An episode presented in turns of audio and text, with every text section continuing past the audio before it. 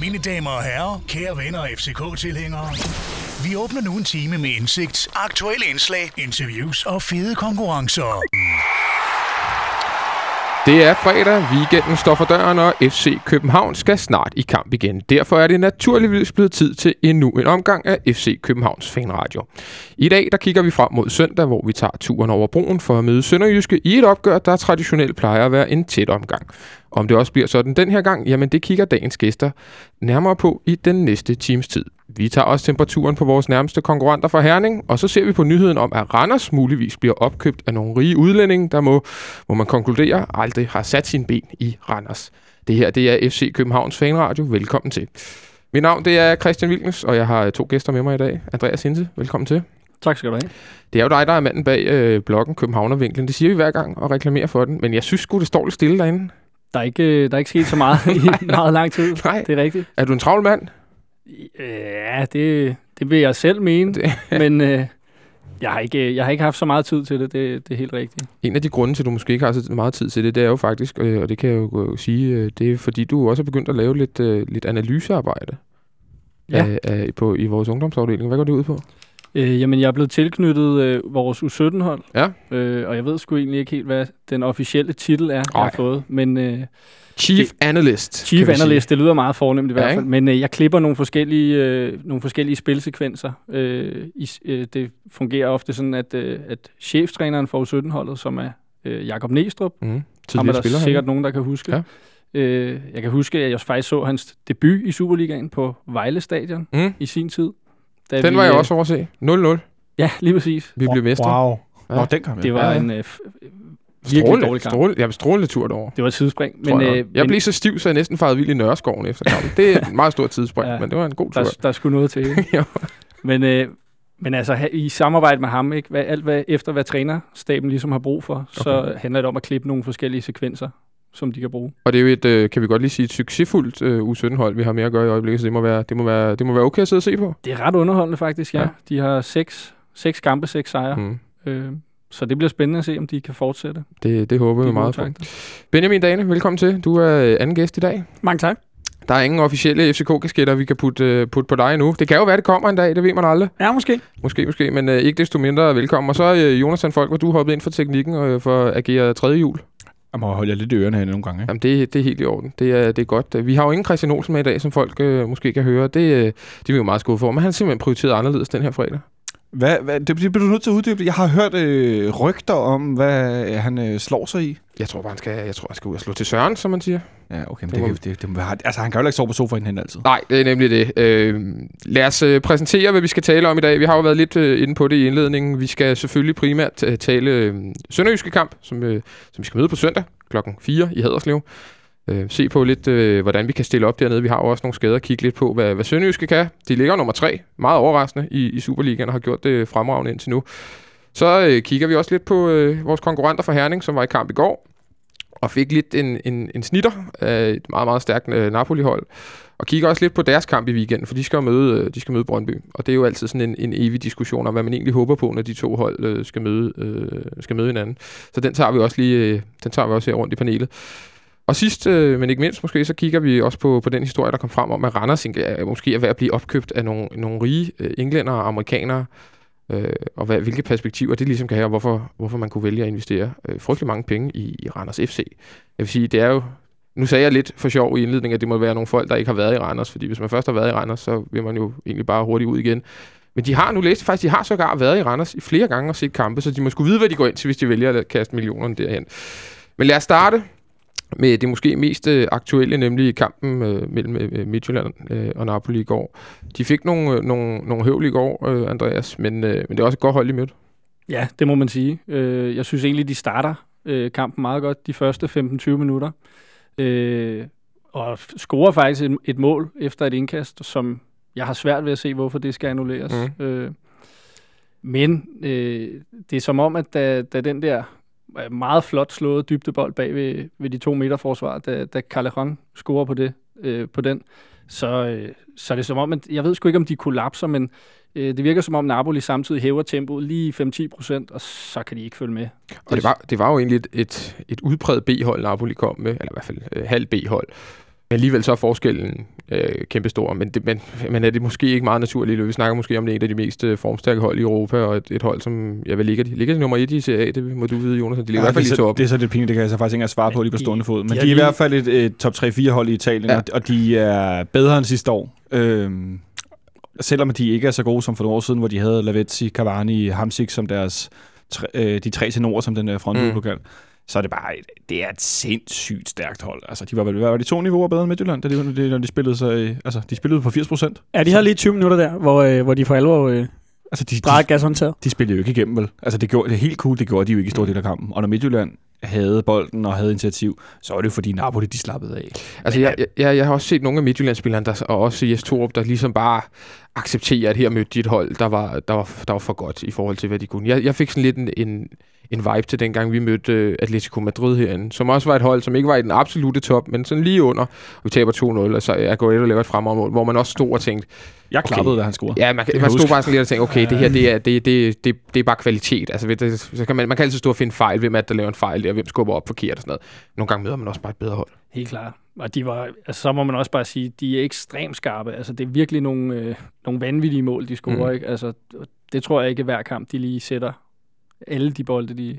Og man kan man sige, at de, de brænder jo i princippet det samme antal Ja, chancer, som, det- som de scorer i den der 20-minutters periode. Mm. Mm. Altså, jeg tror, de, de laver jo 800% chancer Mm. mm. eller sådan noget. Det er helt vildt. Kan man så, Benjamin, kan man udlede noget af det her? For det er jo selvfølgelig det, man sidder lidt og håber på, at, at kan man måske se, at Midtjylland øh, er en lille smule slidte. De har også haft lidt skader. Kan, kan, det her, kan vi håbe på, at det her på nogen måde kan overføres til, til, til Superligaen, eller er det virkelig at, at gribe efter Halmstrå?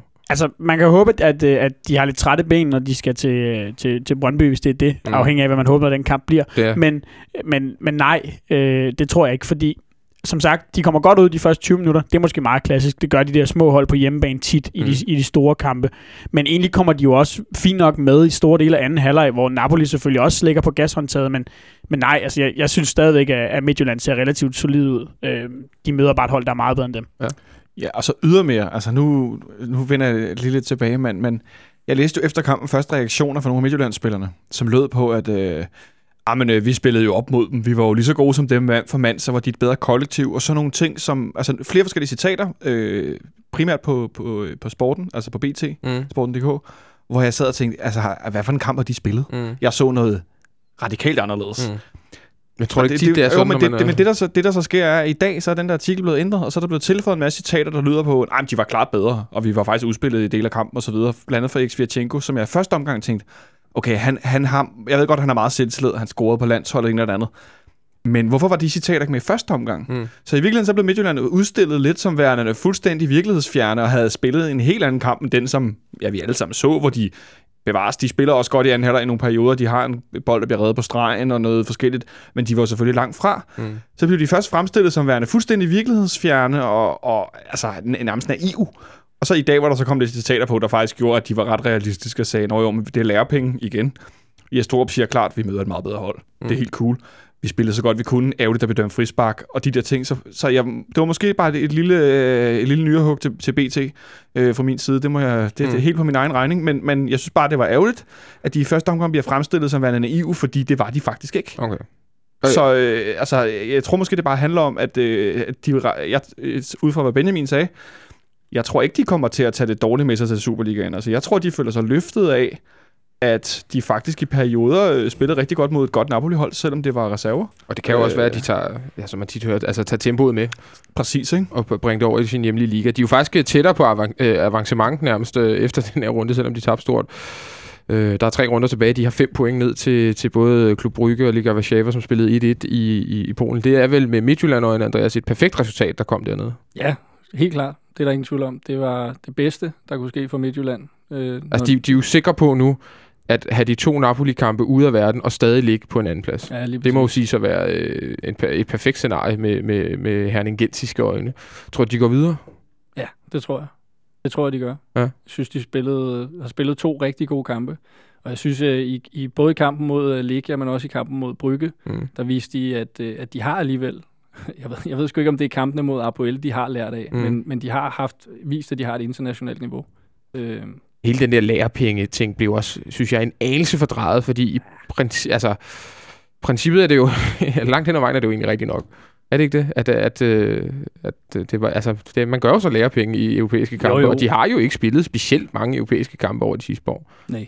Så i princippet var det vel egentlig... Var det ikke mere, øh, gik øh, kritikken af det ikke mere på, at det blev brugt som en undskyldning Jo. for et nederlag til et hold, som de måske egentlig også havde en forventning om selv, at de skulle slå, øh, frem for at, øh, at, at jo, selvfølgelig er der altid lærepenge, det er der hver minut, du spiller fodbold, men at det blev brugt som sådan en stødpude for, hvorfor de ikke havde slået Apoel, hvor det var sådan lidt, kom oven, jo, fordi I ikke spillede ordentligt. Jeg tror også, det var Claus Steinlein, der stod lidt, lidt, ja. lidt happy-happy i det der studie, efter de faktisk øh, havde tabt 2-1 på hjemmebane. Ikke? Ja, Det virkede en lille smule smil, smilte lidt for meget.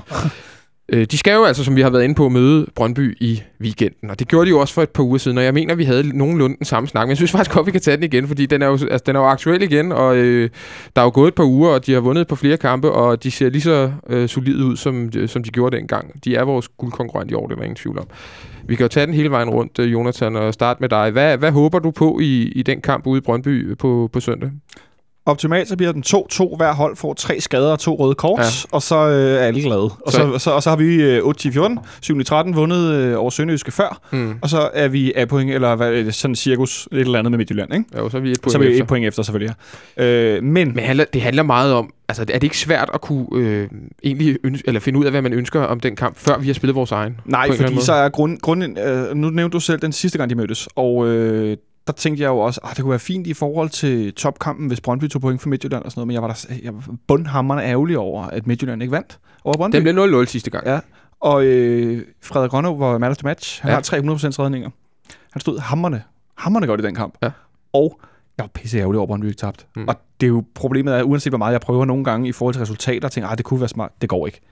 Udgangspunktet er, at Brøndby skal tabe. Det handler jo lidt... Øh, altså, det, det, det, hvis man er rationel omkring det her, hvis man prøver at tænke rationelt, og det er svært, når Brøndby IF er, er involveret, men, men hvis vi tager øh, det lange lys på og tænker, at vi skal vinde det her guld i år, så er der jo ingen tvivl om, at når FC Midtjylland møder, ja, hvad ligger Brøndby, nummer 6 eller 7, så øh, hvis det var et hvert andet hold, så ville jeg selvfølgelig sige, jamen selvfølgelig er det holdet, der møder FC Midtjylland, vi holder med. Men, men hvad, hvad, hvad nu her, Benjamin, i den her kamp? Jamen altså, jeg, jeg synes øh, modsat øh, Jonathan, at, øh, at det afhænger enormt meget af, hvad vores egen kamp bliver. Øhm, fordi hvis vi for eksempel taber point i Sønderjyske, hvilket sagtens kan ske, øhm, de er godt kørende, og, og vi ikke har ikke været så gode på udbanen på det seneste, jamen så er det for mig enormt vigtigt, at den kamp bliver uafgjort. Fordi at ellers så enten så stikker Midtjylland af, eller også så, øh, så, så haler Brøndby kraftigt ind på os. Men så, frygter du Brøndby i det lange løb? Altså frygter du, at Brøndby kan komme op og, og, og tro, øh, tro vores position i den Nej, her sæson? ikke, ikke, ikke rigtigt. Øhm, men, men det er vi stadigvæk helst ikke have dem for tæt på. Mm. Lad mig bare sige det sådan. Andreas, hvad håber du på? Jeg håber klart, at Brøndby vinder. Og, øh, Okay, det, ved- det, synes jeg faktisk... Det synes jeg, det her. det er lidt kontroversielt. Vi noterer rundt om bordet. Jamen, jeg vil faktisk sige, den, den synes jeg faktisk ret sjældent, man, man, man Ja. ja. hører FCK-fans så klart melde ud i de her, i de her Midtjylland-Brøndby-opgør. Jeg vil sige, at øh, det er udelukkende, fordi at i det lange løb, der tror jeg ikke på Brøndby. I et så- langt løb, så- er det i den her sæson? Det eller? er, den, ja, det er den her sæson. Ja. Øh, så, så jeg tror, at øh, vores guldchancer bliver, øh, bliver optimeret ved, at Midtjylland taber kampe. Mm. Og hvis jeg vil give helt øh, medhold i, hvis jeg sidder og ser kampen, så er jeg også svært ved ikke at, øh, at håbe på, at Brøndby taber. Og derfor så tror jeg, jeg prøver lidt at undgå at se Nu er kampen. det også fredag eftermiddag, Andreas. Ja, ja. men, men der er ingen tvivl om det. Altså, jeg tror, hvis du kigger, hvis man bliver nødt til at, altså, det er svært, men rationelt vil jeg helt klart have, at, øh, at Brøndby, de tager. Jeg havde, jeg havde din kasket på, hvis man kan sige det på den måde, øh, sidste gang de mødtes, og var virkelig sådan, jeg kunne, jeg kunne, skulle godt se et perspektiv ved, at Brøndby ville vinde den kamp. Øh, og, og håbede, da jeg gik ind til den, egentlig også på, at, at den måtte de godt nappe. Altså, hvis det, hvis det endelig skulle være, så var det den kamp, de skulle vinde. Men jeg vil bare sige, at øh, Martin Pucci tager de der 2-3 øh, 100% chancer, han har i løbet af den kamp. Så, altså, hver gang han brændte den, så stod jeg og tog mig til hovedet. Altså, det, og det kommer instinktivt. Man kan simpelthen ikke håbe Jamen, på, at der jeg- går noget godt for den. Jeg kan sagtens følge dig. Jeg ville gøre det samme selv, hvis jeg sad og så kampen. Ja. Det er der ingen tvivl om. Men, øh, men sådan på forkant, hvis man kan sige det, så, så er der ingen tvivl om. Altså, jeg kan, jeg kan nærmest ikke forstå, at man ikke vil have, at Midtjylland skal tabe point.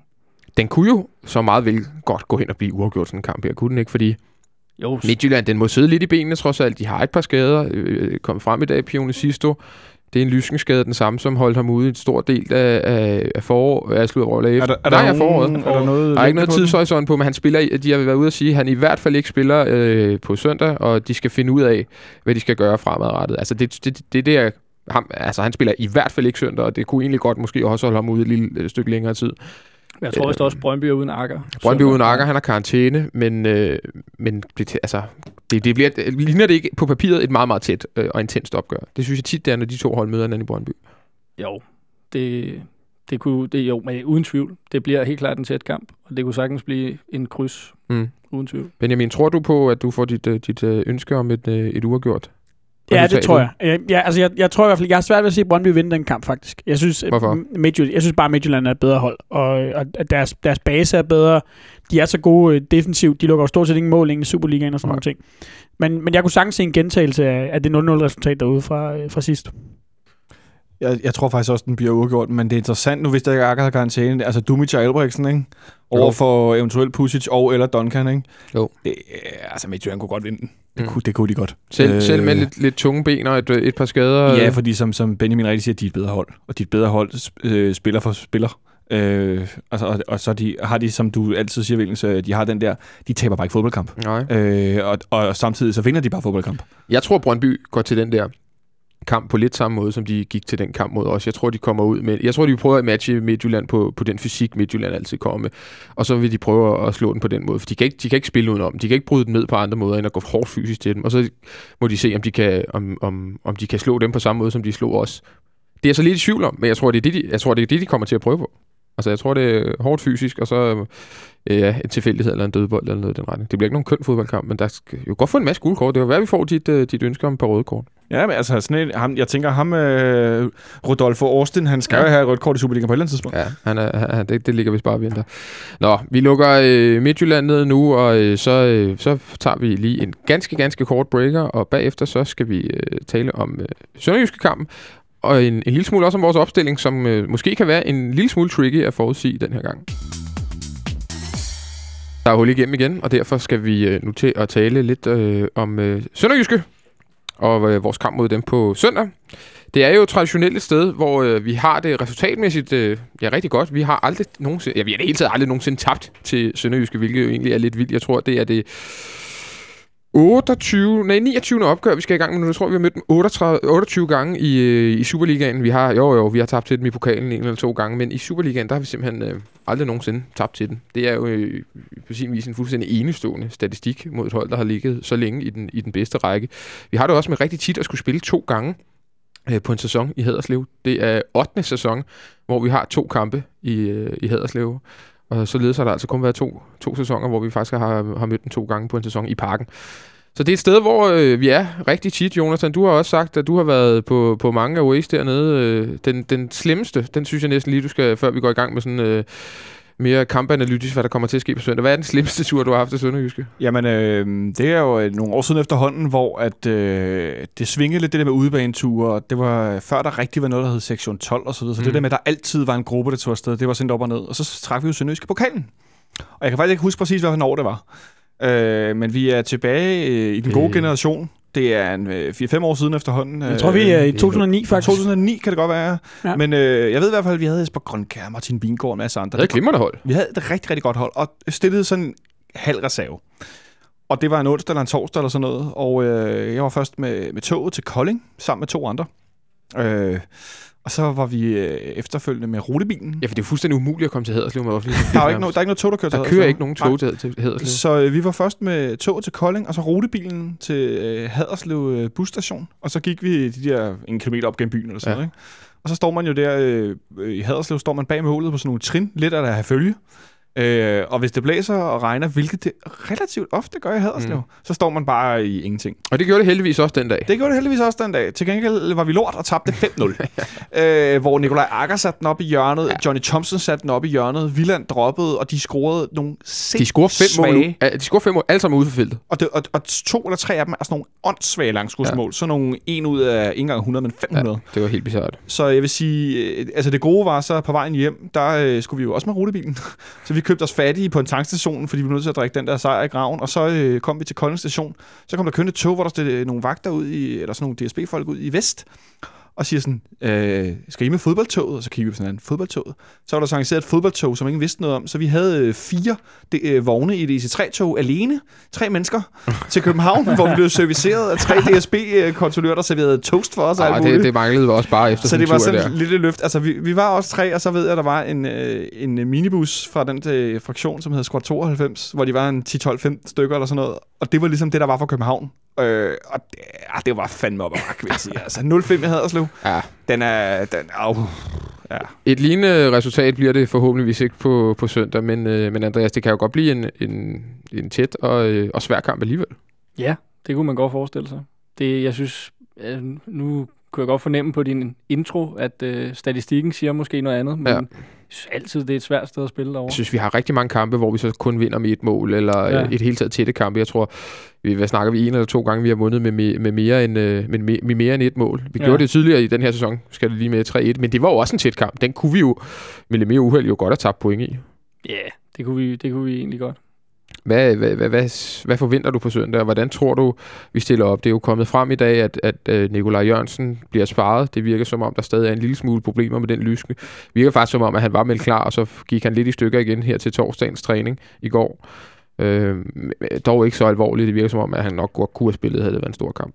Ja. Men, øh, men vi står pludselig med lidt skader offensivt igen. Ja. Verbic er ude. Santander er tvivlsom. Det bliver først afgjort i, til lørdagens træning i morgen. Ja. Hvad, hvad forventer du sådan rent offensivt? Hvordan tror du, brækkerne falder på plads? Jamen, jeg tror egentlig, vi, vi kommer til at starte meget, som vi gjorde hjemme mod Hobro. Øh, og så alt efter, om Santander er klar eller ej, så bliver det... Hvis han er klar, så bliver det ham og corner på top. Mm. Og ellers så tror jeg, det bliver Baskim, der starter. Ja, vi kan jo næsten blive, hvad kan man sige, tvunget til at bringe Baskim tidligere, end vi i princippet havde håbet på, ikke? Jo, uden tvivl. Men jeg kunne forestille mig alt efter... Altså, hvis nu vi, hvis vi forestiller, eller forestiller os, at, øh, at Baskim starter på top, så er det selvfølgelig afhængigt af, hvordan kampen udvikler sig. Men hvis vi er foran, kunne jeg godt forestille mig, at han får måske en halvleg, en lille smule mere. Så tager man ham ud, og så sætter man... Øh, det kunne være, at man satte Remmer ind på højre, øh, højre kant, og så mm. rykkede Tutu ind centralt måske. Mm. Øh, og, og gik ned på en femmands midtbane. Det, det kunne man forestille sig. Men øh, mange offensive muligheder har vi jo lige pludselig ikke. Vi har selvfølgelig også Daniel Mankva, men der kan man også tale om en spiller, der i hvert fald ikke kan spille... Øh, jeg kan måske maks spille 45, ikke? Jo, ja, det tror jeg er højt sat. Ja, vi- det virker som om, øh, Benjamin, vi har... Jo, vi har jo mange offensive spillere lige nu, men mange af dem er enten halvskade eller lige på vej tilbage fra skader. Det, det er sådan lidt en limbo, der kommer øh, søndag, rent offensivt. Ja, absolut. Øhm, og, og jeg er også lidt nervøs ved at skulle smide øh, Baskim i, i kamp fra start, hvis mm. det er Mm. det, der bliver aktuelt. Altså, fordi han, han har jo ikke været med særlig længe, øhm, og hans indhop mod Hobro er, er vel det længste, han har spillet øh, første, Ja. ja. førsteårsfodbold. Øhm, så han skulle helst gerne først bringes i, i spil fra start mod øh, Fredericia i pokalen, ikke? Han spillede 45 mod øh, øh, Nord, eller, ja, Nordsjælland i, i Ja, i reserveholdet. Der ja. Røg han også ud i pausen. Det tror jeg var helt efter planen. Men igen for at sige, han har ikke spillet 90 minutter på reserveholdet heller. Nej, men jeg tror, jeg tror ligesom, øh, ligesom Andreas, tror jeg, at, at opstillingen kommer til at give mere eller mindre sig selv, øh, indtil vi når til angrebet. Ja. Altså, det bliver det, det, bliver det samme som mod, øh, mod Hobro. Men, men så kommer det an på simpelthen, om, øh, om Santander han bliver klar eller ej. Mm. Mm. Øhm, og hvis han gør, så bliver det med de to store op foran, og ellers så bliver man jo nødt til at smide øh, Baskim ind fra start. Mm. Øhm, og så håbe på det bedste. Spørgsmålet er, om, han kunne, om Ståle kunne finde på at starte med fem på, på midtbanen, og så rykke, an, rykke Antonsson ned i, øh, i midterforsvaret, øh, og Amati op på midtbanen. Ja. Det kunne også være en løsning, Jeg hvis tror, han... tror, du, han, tror du, ser det ikke bare nærmest forkert ud at Det- komme til Sønderjysk og spille med fem på midtbanen? det, er, det er ikke optimalt, det vil jeg heller ikke mene. Altså, vi ved jo, eller vi kan i hvert fald gå ud fra, hvordan, øh, hvordan øh, Sønderjyskes tilgang til den her kamp bliver. Det bliver vel sådan en klassisk øh, solid defensiv, øh, måske endda en tremands central midtbane, og så skal der satses på nogle, nogle omstillinger. Det, det er vel den måde, at øh, de plejer at spille mod os på. Jamen, det er Absalonsen og Dalgaard øh, og Bækman øh, som deres tre offensiv, øh, og det er i dybden på omstillinger. Ja. Ej, undskyld. Hader det udtryk på kontraangreb. Ja. Øh, og det- og er jo det, de spiller, og så det der, de der jokes med, at de ikke vender banen, det kan man så ikke bruge til så meget nu, for det kan have regnet og så videre. Men det kan være, de ikke har klippet den. Det kan være, de Det ikke har klippet, ikke. men er langhåret. De gør, øh, hvad de kan selvfølgelig, for at spillet passer til dem. Mm. Så, så kan man sige joke lidt mere, at kontrafodbold kunne være bedre på en hurtig bane, hvor græsset var klippet, men det er sådan en helt anden sag. Ja. Øh, men altså, øh, de spiller som de kan, og det er interessant det der med, at når vi er i Haderslev, så ved vi jo godt, hvordan de, de spiller, og de ved godt, hvordan vi spiller, men vi ender altid med at være usikre. Selvom vi aldrig har tabt til dem, så bliver det altid sådan noget, hvor man sidder ude på kanten Ja. af, af stolen, fordi lige pludselig, så presser de bare på med rigtig mange mand, og så bliver vi sådan febrilske, og så pludselig laver de indlæg, og så scorer de. Og det har de bare gjort mod os så mange gange. Mm. Altså, så, det, så det er altid sådan en, om, om vi har angriber klar eller ej, det er bare sådan lidt, jamen, jeg, jeg tænker bare altid, med Haderslev, der lukker vi mål ind som udgangspunkt. Ja. Altså, det er så sjældent, at vi, vi ikke lukker mål ind derovre, så det udgangspunktet er, at vi skal score flere mål. Ikke? Mm. Øhm, nu tror jeg så, at Santander bliver klar, ellers så kunne man da også spille med Tusu som hængende angriber.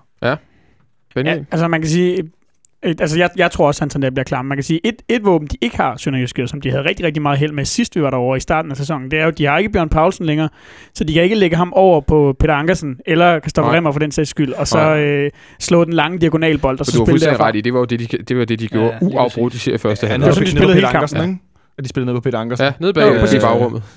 Og, og der blev vi jo sindssygt presset først, halvleg, selvom vi scorede de der to mål. Det er også derudfra, målet kommer jo. Mm. Det er Ja, de lige scorer. præcis. Jeg synes også, hvis vi tager den kamp, vi vinder 3 derovre, der, der var, det var tidligt på sæsonen, og, og vi spillede med, med Kusk og Verbitz på de to kanter, og det var helt tydeligt at se, synes jeg, at de var ikke øh, defensivt nok indspillet i, i vores måde at forsvare på, og det gav rigtig meget plads centralt. blandt Synes du, det er blevet bedre? Helt klart, uden tvivl. Det synes jeg. Hvad er det, du helt konkret har set, der er blevet bedre? Helt konkret har jeg set, at øh, det, det er handler meget om øh, placeringsevne. Altså den måde, vi forsvarer på, handler meget om, at man orienterer sig mod, hvor er bolden, og hvor er min nærmeste medspiller. Og der øh, synes jeg, at vores to kanter kom til at stå for bredt i banen. De fik ikke lukket nok af inden centralt. Mm. Mm. Det, det synes jeg, de har forbedret markant. Okay. Og så der- altså, der er jo mange detaljer i det. Øh, det handler også om, hvor, hvor dygtige er de til at ligesom, øh, tage positionen mellem første forstopper og så, så bakken, hvis, øh, hvis bolden er bredt i banen. Ja, for han blev øh, overladt en del til sig selv, øh, Peter Ankersen, øh, i den første kamp i Haderslev. Ikke? Altså, Jo, det, jo, jo, uforholdsvis mange mand-mand situationer, han lige pludselig kom ud, ikke? uden at have Jo, en, kan en, en, en, en medspiller øh, omkring sig. det, Jo, man, man Kusk har, har klart forbedret sig. Altså, og det, nu kan man sige, det er jo desværre begrænset, hvor meget vi har set til, til Verbitz på det seneste. Mm. Øhm, Tutu kender jo det defensive system, Ja. og han, det, det bliver ikke noget problem over i venstre side, men, men jeg synes også, at Kusk har forbedret sig enormt defensivt, og, og det tror jeg egentlig også har, har været med til at, at, at frigøre ham en lille smule offensivt, for der er han jo også blevet bedre på det seneste. mm. Hvad er det så ellers, vi skal, vi skal, vi skal gøre rigtigt, Jonas, i sådan en kamp her, for at vi skal tage øh, til, tilbage til København med, med, med tre point? Vi skal sætte vores offensive spillere i scene, Mm. og det synes jeg, vi har været gode til i, i de kampe her i efteråret, øh, også inden landskabspausen, hvor vi, hvor vi spillede godt. Men I ser på hjemmebane. Øh, ja, Fordi, altså, ja. en lille statistik siger, er vi har, de, sidste tre, vi har spillet, de sidste tre udkampe, vi har spillet, ja. har vi ikke scoret. Nej, præcis. Øh, det er så henholdsvis hvad, Odense, Brøndby og Midtjylland. og Midtjylland, ja. Vi har haft mange hjemmekampe Øh, her på det sidste. ja. Men, men jeg bider bare mærke i, også nu ved jeg godt, Hobro-kampen, at det var sgu en billig baggrund. Det, er der ikke Ja, det var det. det var det. Men stadigvæk det der med, hvem er det, der scorer målene? Altså, hvem er det, vi får sat op til chancer? Hvem er det, øh, man skal, de skal selvfølgelig også bakke mænd, der er med på. Men hvem er det, der ligesom kommer frem til de her muligheder? Og det er tydeligt for mig, at det er et bedre samspilhold, og som Andreas siger, placeringsevnen er bedre, man får løbet både rigtigt øh, offensivt og defensivt i forhold til nærmeste medspillere, som gør, at det er Santander, der kommer til afslutninger. Det er Nikolaj Jørgensen, det er Cornelius, det er Kusk, det er de spillere, der skal... Det er ja, ikke så meget corner, desværre. De, kan, de kampafgørende spillere. Ja, det er de kampafgørende spillere. Det er dem, Mm. der har værktøjerne til rent faktisk at Og kunne vinde kampen. kampene, og Ja. ikke en eller anden tilfældig dødbold, Delaney kommer først på og scorer på hovedet og sådan noget. Mm. Men altså... Ej, tilfældig dødbold, Men- ja, jeg ikke, men, men, øh, men, men, men jeg synes bare, det er tydeligt, at vi er kommet ind i en rytme, hvor at spillerne bedre øh, finder ind i de her meget berømte relationer, som gør, at det er de rigtige spillere. Ankersen, der pludselig laver indlæg og sådan noget, ikke? og afslutninger også. Andreas Jonathan har vel ret i, at, øh, at vi i den her sæson i langt højere grad får mål for vores offensive profiler. Altså sidste år, der, øh, hvad var det, Amankvat lavede en, og øh, Gislason lavede slet ikke nogen. Og de havde ikke nogen assist, og det var vores to kanter den store, stor del af sæsonen. Ikke? Han scoret en gisler, som gør han ikke? Ja, og det kan godt være, han får Han lavet en lige til allersidst. eller sådan noget. Lige, ligegyldig detalje. Men, ja. men, øh, Ja. Men i, i år har vi jo i langt højere grad mål og assist for vores, især vores kanter, og, og det, er vel, det er vel helt afgørende. Ja, men det er det, og nu kommer vi lidt til at gentage os, os selv på en eller anden måde, men der er ingen tvivl om, at det, det er jo igen et udtryk for, at vi har hentet ind på, øh, vi har, altså de spillere, vi har hentet ind, det er netop på, på de to kanter blandt andet, ikke? hvor at, Og de er bedre. ja, men de har, de, de har den der evne til at sætte en mand øh, offensivt, øh, og, og det med, at vi pludselig spiller med, øh, jeg ved sgu ikke lige, hvad man kalder det, men altså en, en højre benet spiller på venstre kant og omvendt, at de kan trække ind i banen. Ind over kanter, Jamen- tror jeg, det, det norske udtryk er for Ja. det. rent. What? Ja. Ja, det hedder det. Kan du sige det på norsk? Nej, Nej. det vil jeg spare lytterne for, Ja, trods alt. Det får Ståle lov til næste gang, han kommer ind, ja. Men, øh, men jeg tænker, når så stor en del af vores offensive øh, koncept er jo, at vi gerne vil have kanterne ind og skabe overtal centralt i Mm. mellemrummet mellem øh, firebakkæden og, og den øh, midtbanekæden. Øh, og der, der giver det rigtig meget, når du kan tro indad mod mål, men samtidig kan have de overlappende backs. Øh, ja, og så, Benjamin? Ja, men jeg så, øh, det var bare en, en lille sidebemærkning. Jeg så kampen mod, øh, mod Hobro på tv, og der mener jeg, at øh, en i øvrigt forfærdelig kommentator, du bestående af, af Carsten Sæby og Stig Tøfting på et tidspunkt i løbet af kampen siger, Det er jo, alene det er jo grund nok til at tage i parken, vil jeg sige. at, Du har lige afskrevet dig selv, Benjamin. at, at vi faktisk har haft øh, 12 forskellige målscorer i Superligaen ja. i, øh, i den her sæson alene. Og det siger jo også, at vi har rigtig mange steder mål, de kan komme fra. Ja. Øhm, og, og det synes jeg jo er en markant forskel i forhold til sidste sæson, for eksempel. At der er, som, altså, der er, mange, der er mange flere, der kan tro, ikke? Mm. Og i den sammenhæng så jeg den anden dag fra den øh, herlige side Nipsterstad, vi altid skal huske at øh, hylde og gøre opmærksom på, mm. som jo er for hver FCK-fan et, et godt værktøj, nipserstad.dk, ja. øh, at den mest øh, målgivende spiller i denne sæson er jo Kasper Kusk, Mm. som jo har lavet, hvis jeg ikke tager meget fejl, fire mål og seks assist Ja. i alle turneringer. Ikke? Mm-hmm. Øh, for en mand, som har været udskældt og usikker ind og ud af holdet, ikke så meget som hans ven på højre bakken bagved, Nej. men stadigvæk, at der altså kommer en mand ind, som ikke har spillet i klubben før, og som er helt ny på holdet, og nu er der gået to-tre måneder, og han har altså været øh, enten ophavsmand eller direkte målscorer i 10 mål. Tænk, hvad 10 mål havde gjort sidste år. Ja. Altså, det, jeg mener, der er nogle klare løft i forhold til, at, at ikke bare de er kampafgørende, men de er, altså, det, det er spillere, som øh, spiller for at være kampafgørende. Og ikke nogen, som man skal sætte i scene til at blive det, men nogen, som bare er det. Mm. Altså, Det bliver, det bliver rigtig interessant, når han begynder at ramme sit topniveau, for det synes jeg faktisk ikke, han har gjort endnu. Ej, Altså, der er meget mere i ham, og alligevel så producerer han så mange assist og så mange mål allerede. Ikke? Det, Mm. bliver, det bliver spændende. Andreas, øh, den højre kant der, den har vi jo talt rigtig meget om i ja, både podcasten her, men også generelt er den bare blevet talsat rigtig meget som, som lidt af et problem. Fordi at det er ikke rigtigt. Altså, kombinationen har ikke rigtig siddet der endnu med, med, med spillere, og øh, sammen, samspillet med, uanset hvem der nu har været der, har ikke siddet i skabet. Men mod Hobro så er det jo rent faktisk fornuftigt ud. Hvad var det der, som, som var øh, så meget bedre, end vi har set øh, hidtil i den her sæson?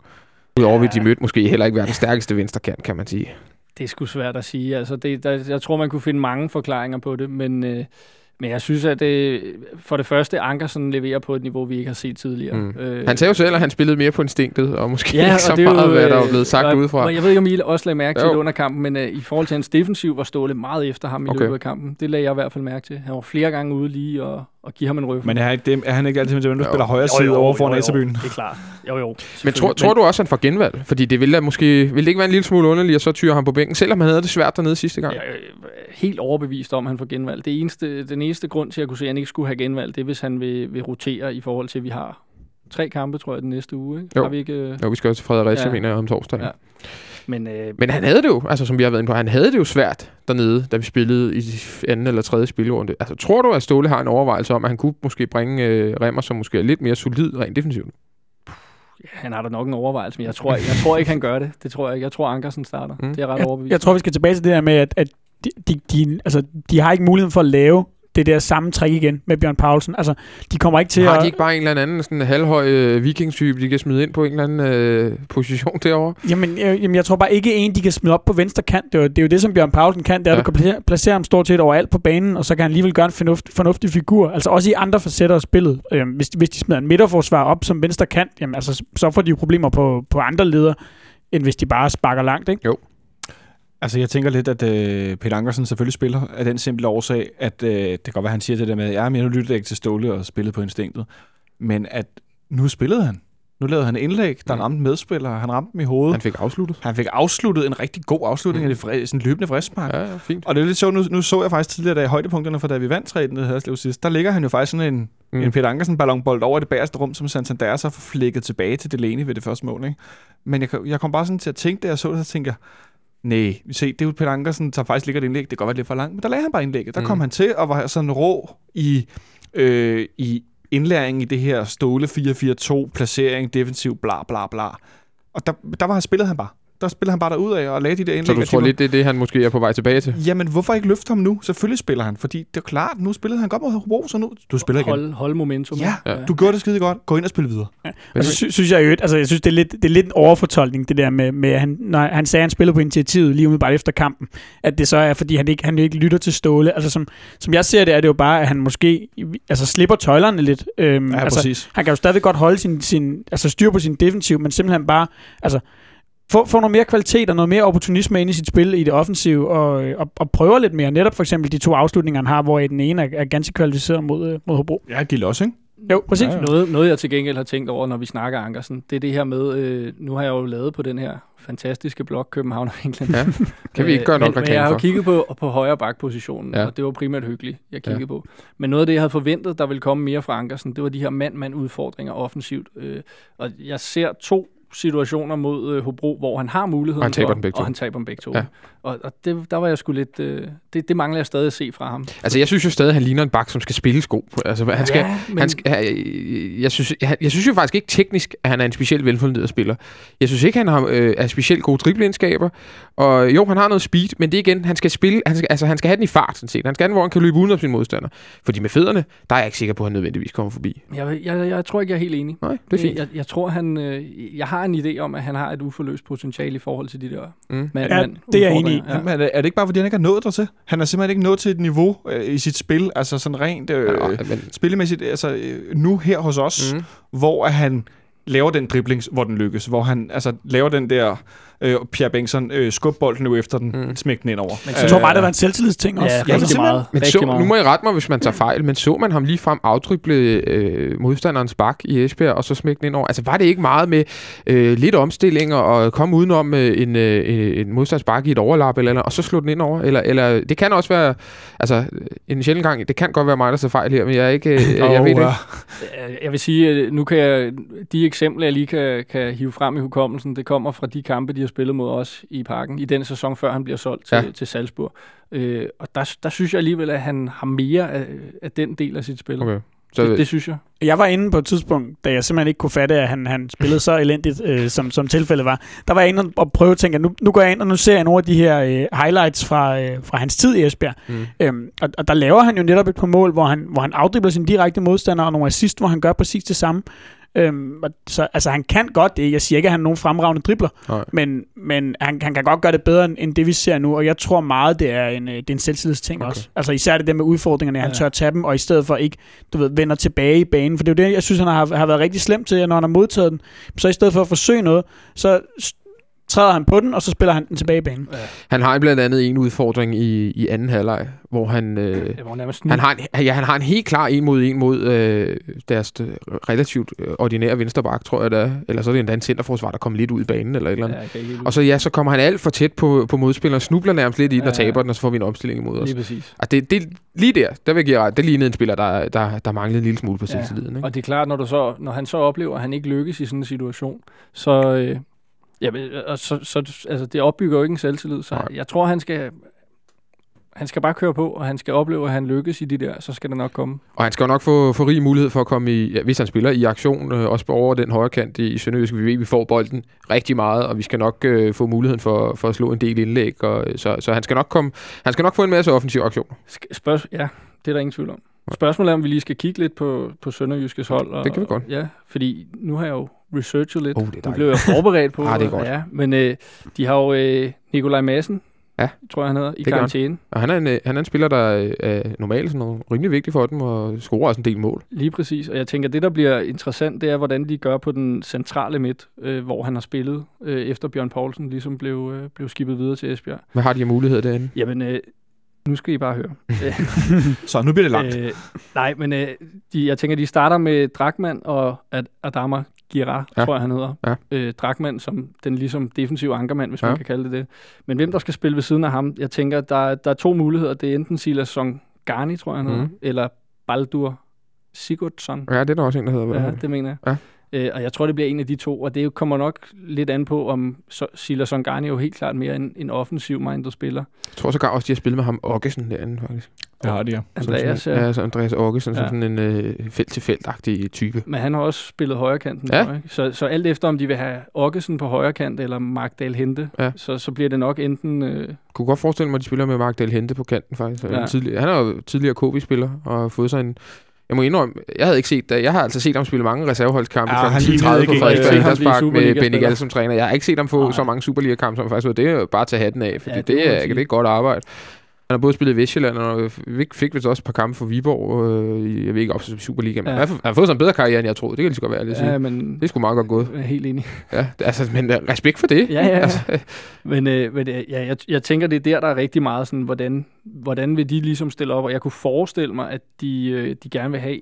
Jeg jeg kunne godt forestille mig, at det bliver en kamp med meget duelspil. Øh, det vil være typisk... Øh, Det er i hvert fald det, de ønsker. Lige præcis, ikke? Og der vil det helt klart være bedre øh, at, at have en, en god duelspiller ekstra på midtbanen, øh, i forhold til at have måske en Songani, som ikke er så, så vidt jeg lige ved. han fylder ikke så meget. Hvem, hvem, har de, hvem vil de spille med helt fremme og på, på kanter og sådan noget? Har du nogen idé om det? Ja, jeg tror, de, de, de starter med Dalsgaard på top. Ja. Det, det tror jeg. Det siger min mavefornemmelse. En mig. spiller som jo, Johan Absalonsen, hvor er han henne i, i hele det her? Han ligger på venstre Okay. kanten.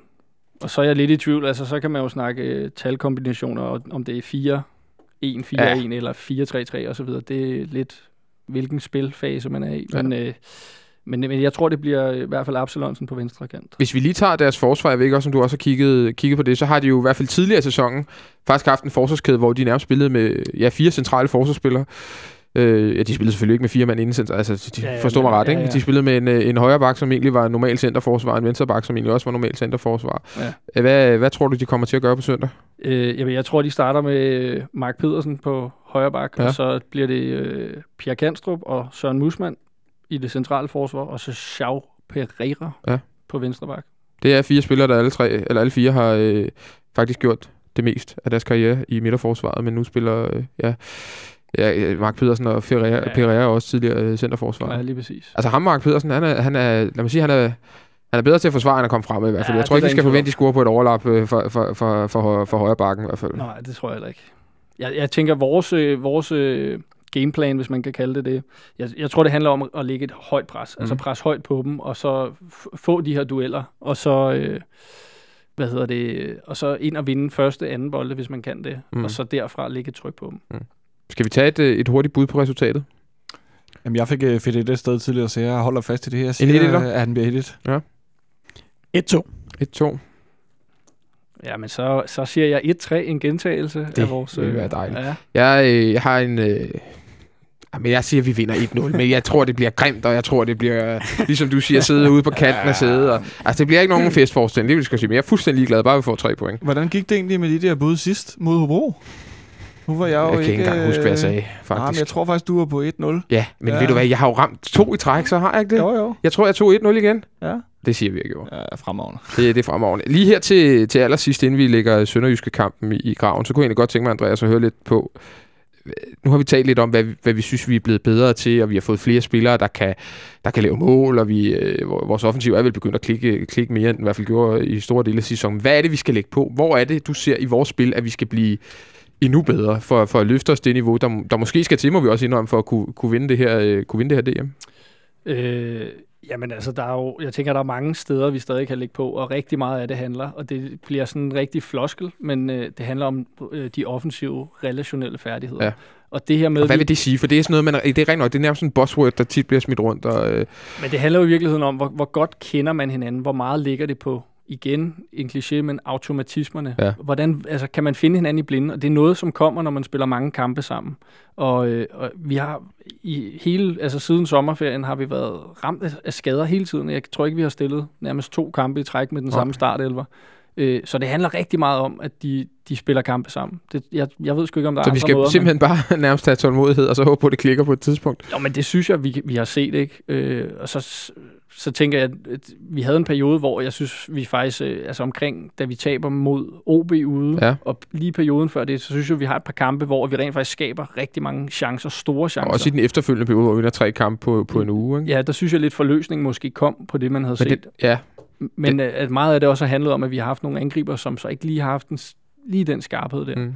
Øh, nu har jeg været ude og se dem træne en del gange, og de træner rigtig meget på, på afslutningsspillet. Øh, og der er sgu, og selv til træningerne, meget svingende kvalitet. Okay. Øh, og nu snakker vi om Kusk tidligere, og også til træningerne, han er en af de bedste afslutter, vi har. Altså han sætter dem nærmest 9 ud af 10 gange, når han er i de der situationer. Altså, det er jo ingen hemmelighed, jeg er fuldstændig vild med Kuska. Jeg, sikker, altså, jeg, har, jeg, håber, jeg håber virkelig, som du også siger, Benjamin, at han rammer sit, sit topniveau. Jeg er enig med, at vi ikke har set det bedste fra ham endnu. Øh, altså, han kan jo han, han, han kan ligge og lave noget af det der, der ser så simpelt ud, men, Ja. ja. men er så øh, svært for det første, og kan løsne så meget op for, for alle de andre spillere Og- omkring sig. Og det, som Kusk lige netop kan, og øh, jeg synes også, man så det mod Brøndby, han spiller ikke en speciel prangende kamp, Nej, lige så snart han, første Lige så snart han bliver retvendt ja. Ja. foran feltet, der, der bliver det nærmest altid farligt. De der vinklede indlæg, han kan slå med venstre skøjten, det er... Han har også et par stykker af dem her sidst. Ja, der er hvor virkelig meget kvalitet Ja, i det, ikke? Altså, Og vi har allerede, vi allerede scoret to eller tre gange på den der måde, hvor han kommer ind og lægger den til, til, til angriber, der kommer i løb. Vi gjorde ja. mod Randers, vi gjorde det også over i Newtown faktisk, hvor Puye scorer ja. hvor han også ryger ind af i banen præcis. og slår det der indlæg over mod bagerste område. Og så er der et andet element i han vores... gjorde det faktisk også i Sønderjysk. Eller i Sludrøv i, øh, i Vestjylland, da Santander scorede ja, der. Det er også på samme måde. Og så er der et andet element, det er det her med, med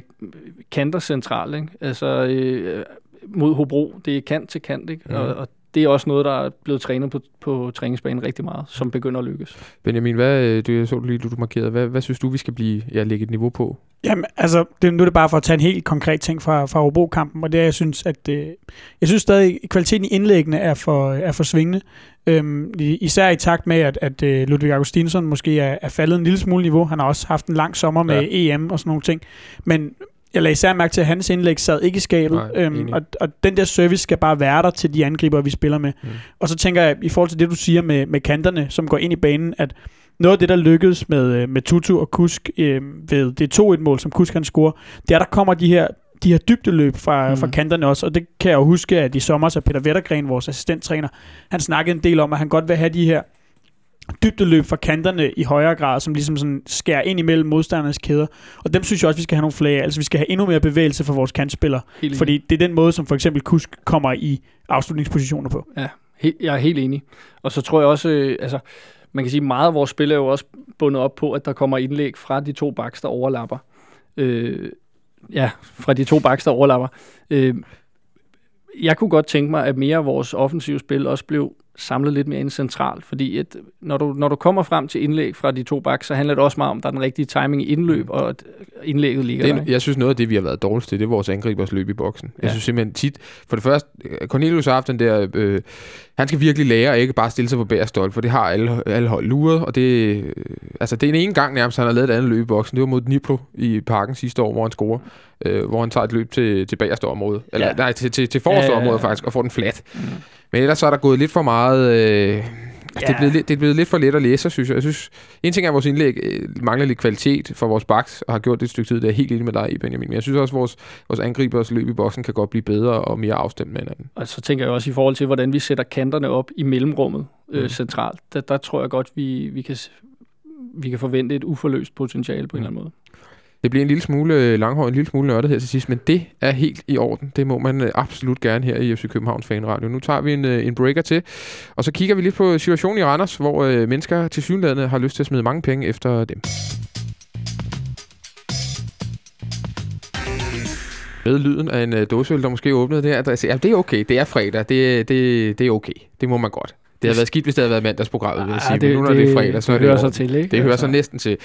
Vi skal tale her sidste program med en lille smule om, øh, om Randers FC, og det skal vi på grund af den nyhed, der kom frem i går om, at øh, de er i, jeg vil ikke sige forhandlinger, men de er i hvert fald i dialog med en øh, amerikansk-engelsk investorgruppe, der til synlædende vil kaste en del millioner efter Randers FC, øh, og... Øh, og se, hvad det kan, og se, hvad det kan bruges til, jeg sige. Øh, vi har drillet, eller jeg har drillet Randers lidt også her i min, min intro, og øh, det, er jo, det er jo Danmarks gangsterby nummer et nærmest, Randers. Det er jo simpelthen, det er dybt besynderligt sted. Er nogen af jer, der nogensinde har prøvet at være i Randers?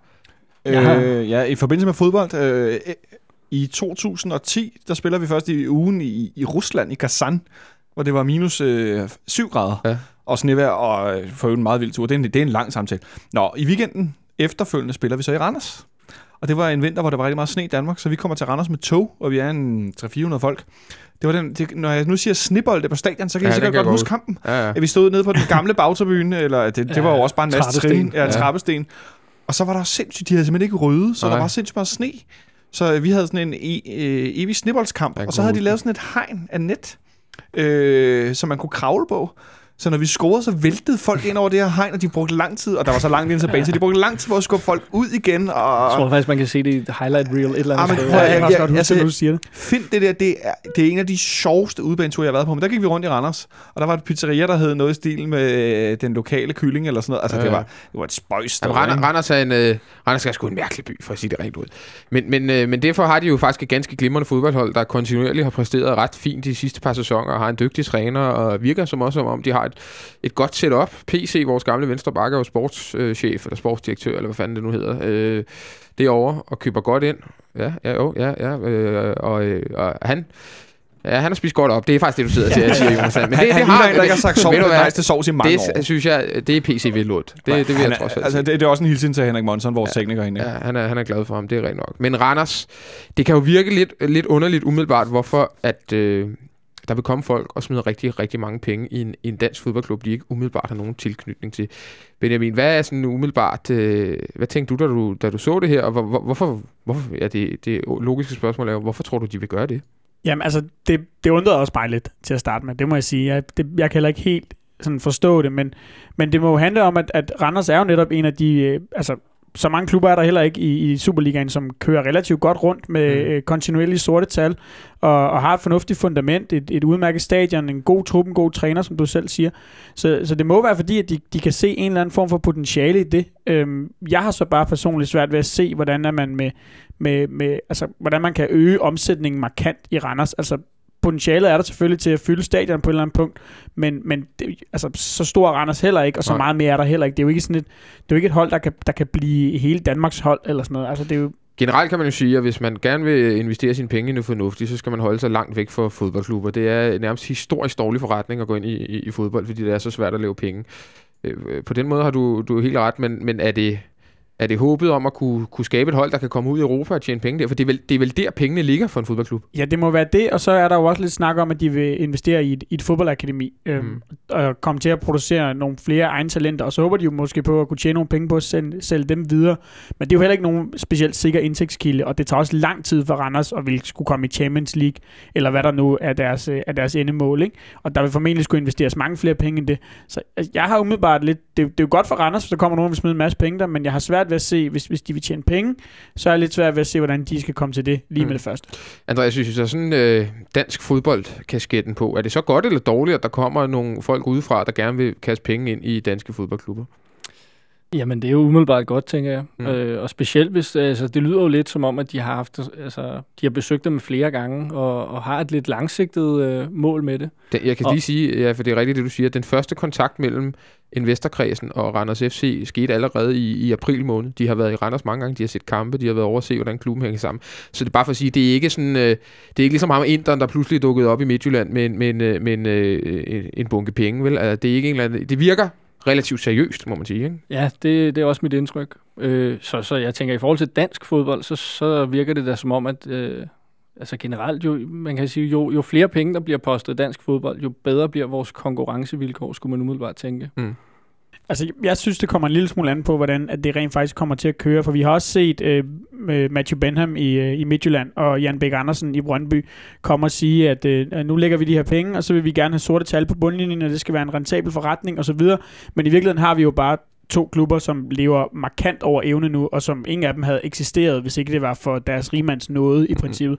Og bliver det det samme med, med Randers, så synes jeg ikke, det er specielt sundt for dansk fodbold, Men med flere forskel- klubber, der lever over. Forskellen er jo måske, som du netop også har, sagt, at øh, før Benham og før Jan Bæk Andersen, der var de to klubber jo dårlige forretninger. Absolut. Randers er jo faktisk, de, de har heller ikke lige så høje omkostninger, det er jeg godt klar over, men Randers er jo faktisk en relativt veldrevet fodboldklub, og har været det i en, en årrække. Det er de, og det, det er jo så det, jeg måske er skeptisk i forhold til, at hvis man lige pludselig begynder at bruge mange flere penge, jamen kan man så også tjene mange flere penge, ja. eller bliver det så i virkeligheden bare en underskudsforretning, Ja. øh, hvis man hæver, kan man sige, investeringsniveauet. Fordi øh, jeg læste i, øh, fra Randers Amtsavis, at deres, øh, deres bestyrelsesformand, hvis navn jeg har, har glemt, han Ja. var ude at sige, at, at de, de spænder buen lige nu. Altså mm. de, de, øh, de, de presser økonomien til, til det maksimale nu med det setup, de har.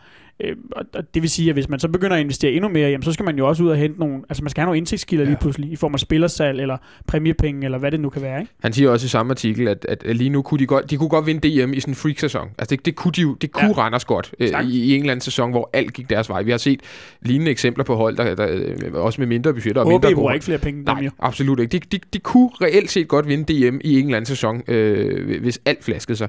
Man siger, hvis de skal ligge deroppe kontinuerligt og blive et fast del af dansk topfodbold, så skal der bare flere penge til. Og det, det er vel... Øh, det er vel det, det er et spørgsmål om. Altså det, Jonathan, det er vel det, der skal til for, at de, de kan ligge deroppe i, i, i, i et langt stykke tid. Det er vel øh, penge.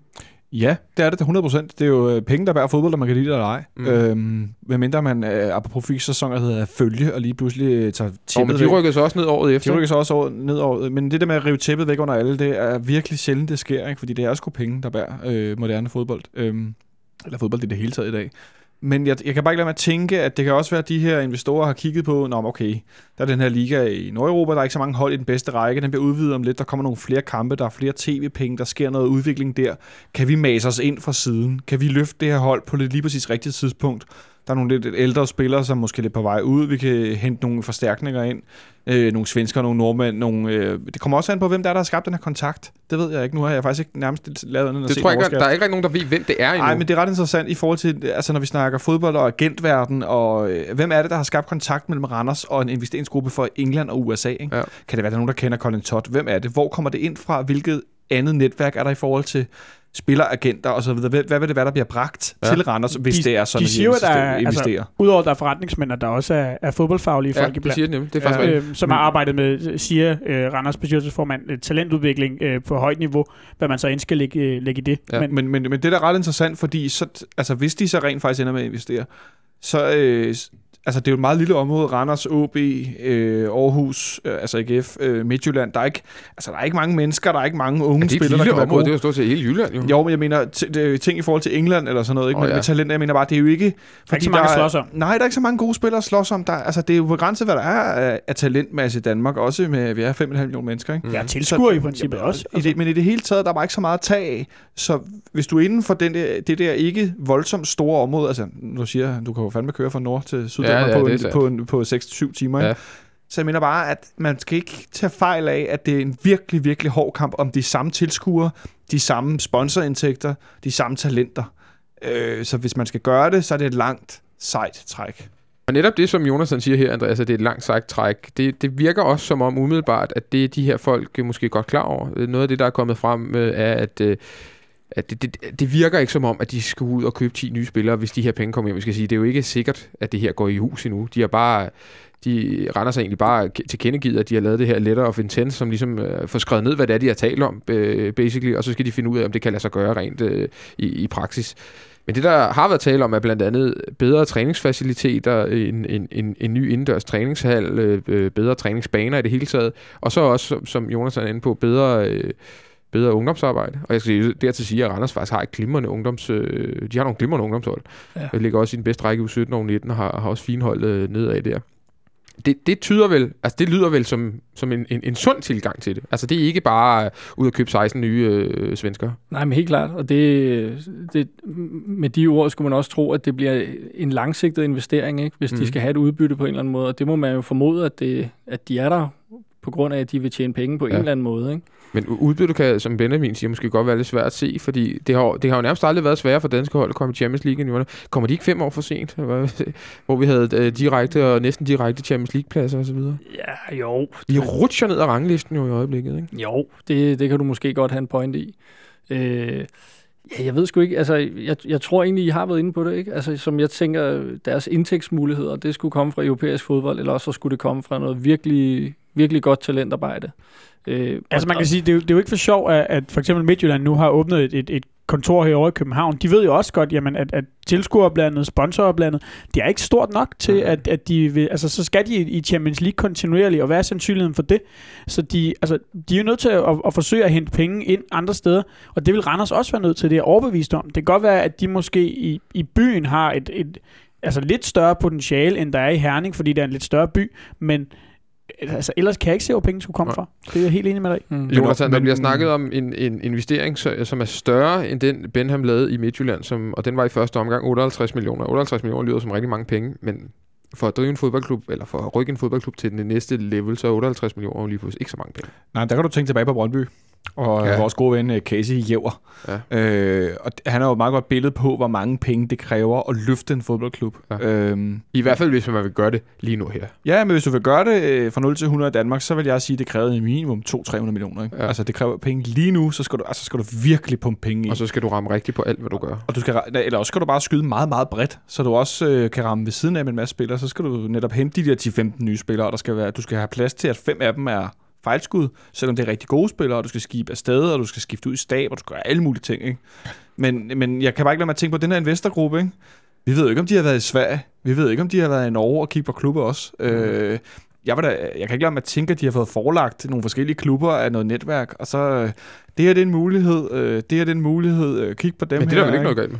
Nej, nej, men mere ment som, at, at, at potentiale kan lige så godt være andre steder også, hvor at du kan risikere, i, hvis Randers gerne vil have de her penge selvfølgelig, at, at de siger, at vi, vi vælger at gå herhen i stedet for. Mm. Øh, netop fordi, at så er der flere hold i den svenske liga. Øh, det kan være, at den svenske liga er mere på vej op, end den danske, der er på vej ned, som, som I selv nævner. Og, og så de der forskellige ting. Ikke?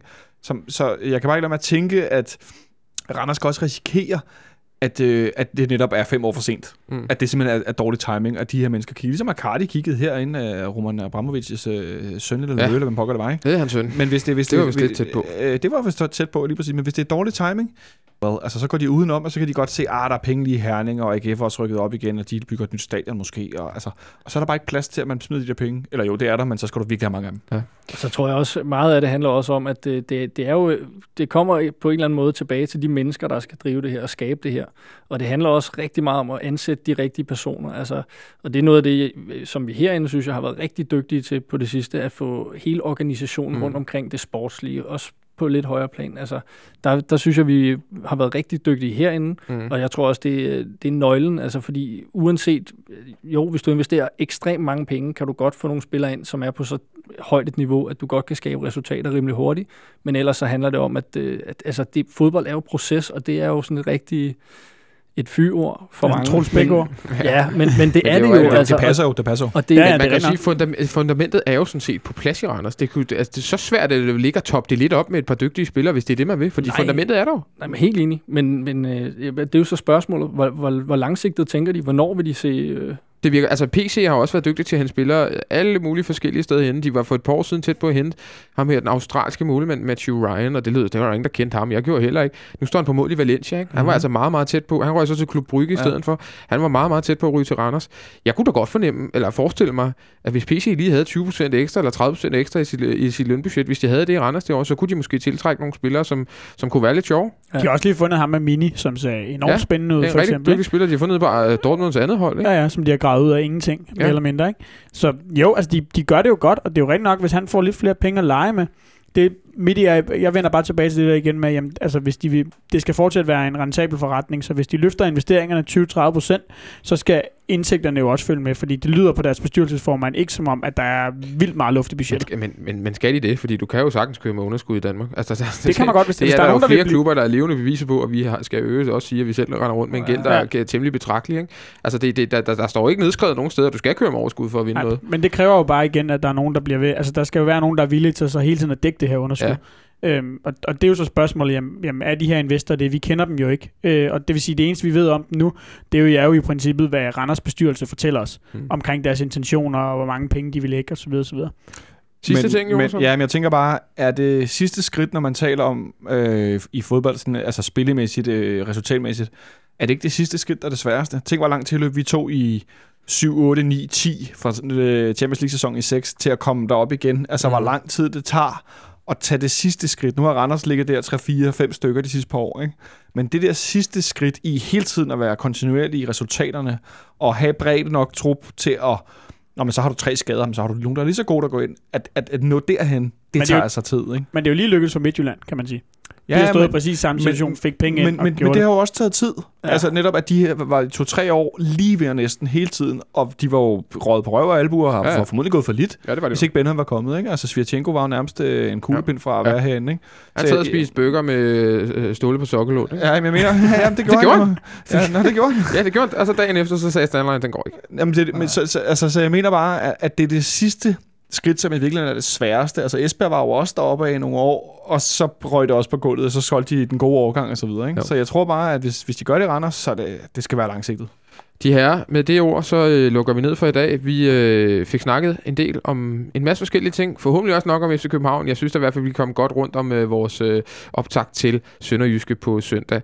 Vi er tilbage igen på mandag. Det skal vi huske at gøre reklame for, for det bliver en lidt særudsendelse. Vi kommer ikke til at lave nedtakt på mandag om, øh, om den her øh, Sønderjyske kamp. Vi kommer til gengæld til at have manager for øh, FC København School of Excellence, vores øh, talentakademi, øh, Sune Schmidt Nielsen i studiet. Øh, øh, og, øh, og han er en team.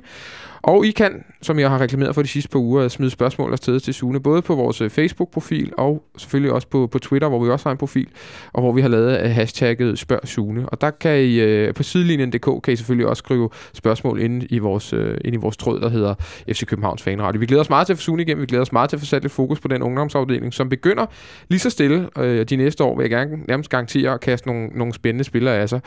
Så, øh, og så kan vi også lige høre, hvordan øh, Andreas Hinse klarer sit job som øh, chief of analyst på, på U17-holdet. Det skal, det skal vi selvfølgelig også udspørge ham om. Held og lykke med det. ja.